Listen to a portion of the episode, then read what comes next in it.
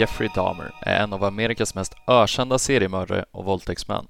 Han lockade till sig offer till hans hem, drogade dem för att sedan mörda, våldta, stycka och äta upp dem. Vid gripandet av Jeffrey fann polisen överkroppar i syra samt mänskliga organ i hans kylskåp tänkta för att ätas.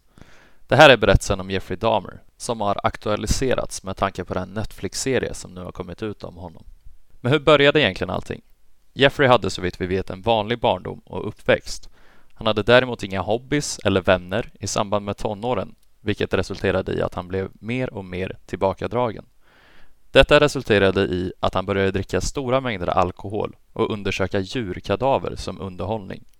Han kan beskrivas som en alkoholist, men lyckades trots det att ta studenten från hans high school. I samband med studenten skilde sig Jeffreys föräldrar vilket resulterade i att han befann sig ensam i familjehuset under en period. Under denna period har han beskrivit hur onda tankar förekom i hans huvud och inte långt senare skulle dessa tankar bli verklighet. Bara tre veckor efter att han hade tagit studenten valde han nämligen att begå sitt första mord. Offret var en liftare vid namn Steven Hicks. Jeffrey erbjöd att skjutsa Steven hem till familjehuset där han skulle bjuda på öl, något som sedermera blev hans signum för att locka offren till sig. När Steven och Jeffrey hade druckit öl kände Steven att det, var, att det var dags att gå hem, men Jeffrey hade andra tankar. I samband med att Steven skulle gå så slog Jeffrey honom i bakhuvudet med en fem kilo hantel, vilket resulterade i Stevens död. Jeffrey valde sedan att stycka kroppen och sprida ut kroppsdelarna i hans bakgård. Senare skulle Jeffrey förklara att han enbart ville att Steven skulle stanna kvar och det faktum att han ville lämna resulterade i hans tragiska död. Jeffrey gick på college den hösten men hoppade av på grund av sin alkoholism. Efter det tvingade hans far honom att ta värvning i armén där han tjänstgjorde som stridsläkare i Tyskland från 1979 till 1981. Han slutade dock aldrig med vanan och skrevs ut den åren och flyttade hem till Ohio. Efter att hans drickande fortsatte att orsaka problem skickade hans far honom att bo hos sin mormor i West Allis, Wisconsin. År 1985 besökte han gaybadhus där han drogade män och våldtog dem medan de låg medvetslösa. Även om han arresterades två gånger för incidenter av oanständig exponering 1982 och 1986 stod han bara inför skyddstillsyn och åtalades inte för våldtäkterna. Steven Tuomi var hans andra offer, dödad i september 1987 Dahmer hämtade honom från en bar och tog honom tillbaka till ett hotellrum där han nästa morgon vaknade av Tuomis misshandlade, döda kropp. Han uppgav senare att han inte hade något minne av att faktiskt mörda Tuomi och antydde att han hade begått brottet på någon sorts mörkad impuls. Morden inträffade sporadiskt efter Tuomi med två offer 1988, ett 1989 och fyra 1990.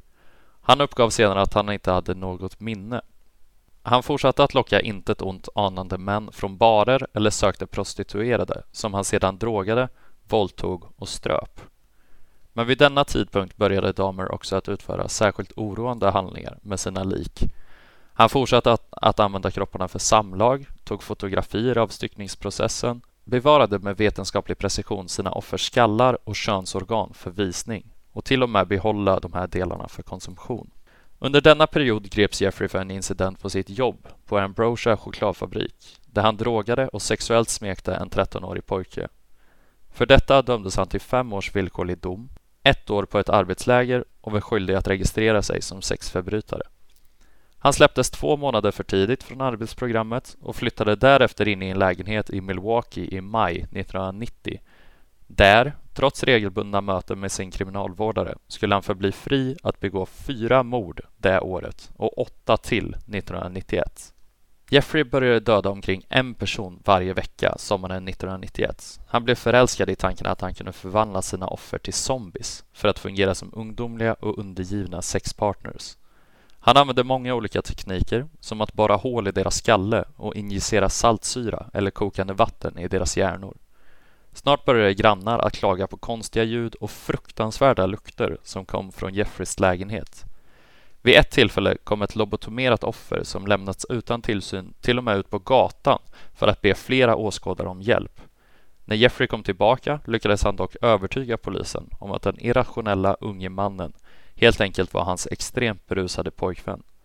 Poliserna misslyckades med att göra en bakgrundskontroll som skulle avslöja Jeffreys status som sexbrottsling vilket gjorde det möjligt för honom att med nö och näppe undkomma sitt öde en liten stund till. Den 22 juli 1991 lockade Jeffrey in Tracy Edwards i sitt hem med löfte om kontanter i utbyte mot hans närvaro. Väl inne tvingades Edwards sedan in i sovrummet av Jeffrey med en slaktkniv. Under kampen lyckades Edwards komma fri och fly ut på gatorna där han flaggade ner en polisbil. När polisen kom till Jeffreys lägenhet larmade Edwards dem om kniven som fanns i sovrummet. När poliserna gick in i sovrummet hittade de bilder på döda kroppar och styckade lemmar som gjorde det möjligt för dem att slutligen arrestera Jeffrey. Ytterligare undersökningar av hemmet ledde till att de hittade ett avhugget huvud i kylskåpet. Ytterligare tre avhuggna huvuden fanns i resten av lägenheten. Flera fotografier av offren och fler mänskliga kvarlevor i hans kylskåp. Totalt hittades sju dödskallar i hans lägenhet samt ett människohjärta i frysen.